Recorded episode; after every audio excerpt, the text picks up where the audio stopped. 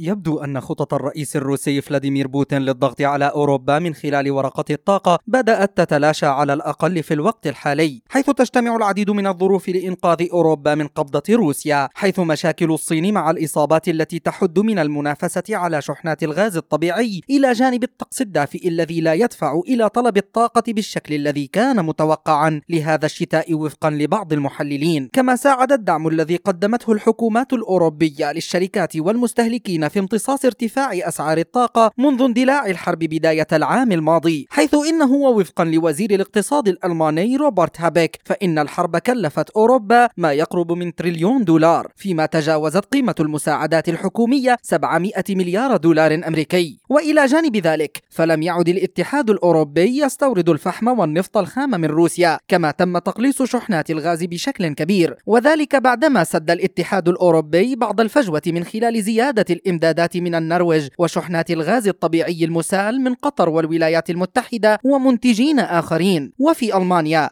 تمتلئ مرافق التخزين بنحو 91% مقارنة ب 54% قبل عام. وذلك بعدما قامت حكومة المستشار أولاف شولز بتأميم الوحدات المحلية لشركة غازبروم الروسية وإنفاق المليارات لملء الاحتياطيات. وقد قال بنك مورغان ستانلي في تقرير إن أسعار الغاز انخفضت إلى خمس الأرقام القياسية المسجلة في آب من العام الماضي. وهو ما قد يفتح الباب للمخاوف من ارتفاع الطلب إذا بدأ الاستهلاك الأوروبي في الارتفاع وهو الأمر الذي لم يحدث حتى الآن. فيما تتوقع شركتا مورغان ستانلي ووود ماكنزي للاستشارات أن يكون وضع المخزون الأوروبي من الطاقة جيدا رغم أن الأسعار ما زالت أعلى من المتوسطات التاريخية ورغم أن هناك 27 مليار متر مكعب من الغاز الروسي قد تقطعها روسيا في أي وقت وبشكل نهائي. مجد النوري لشبكة أجيال الإذاعية.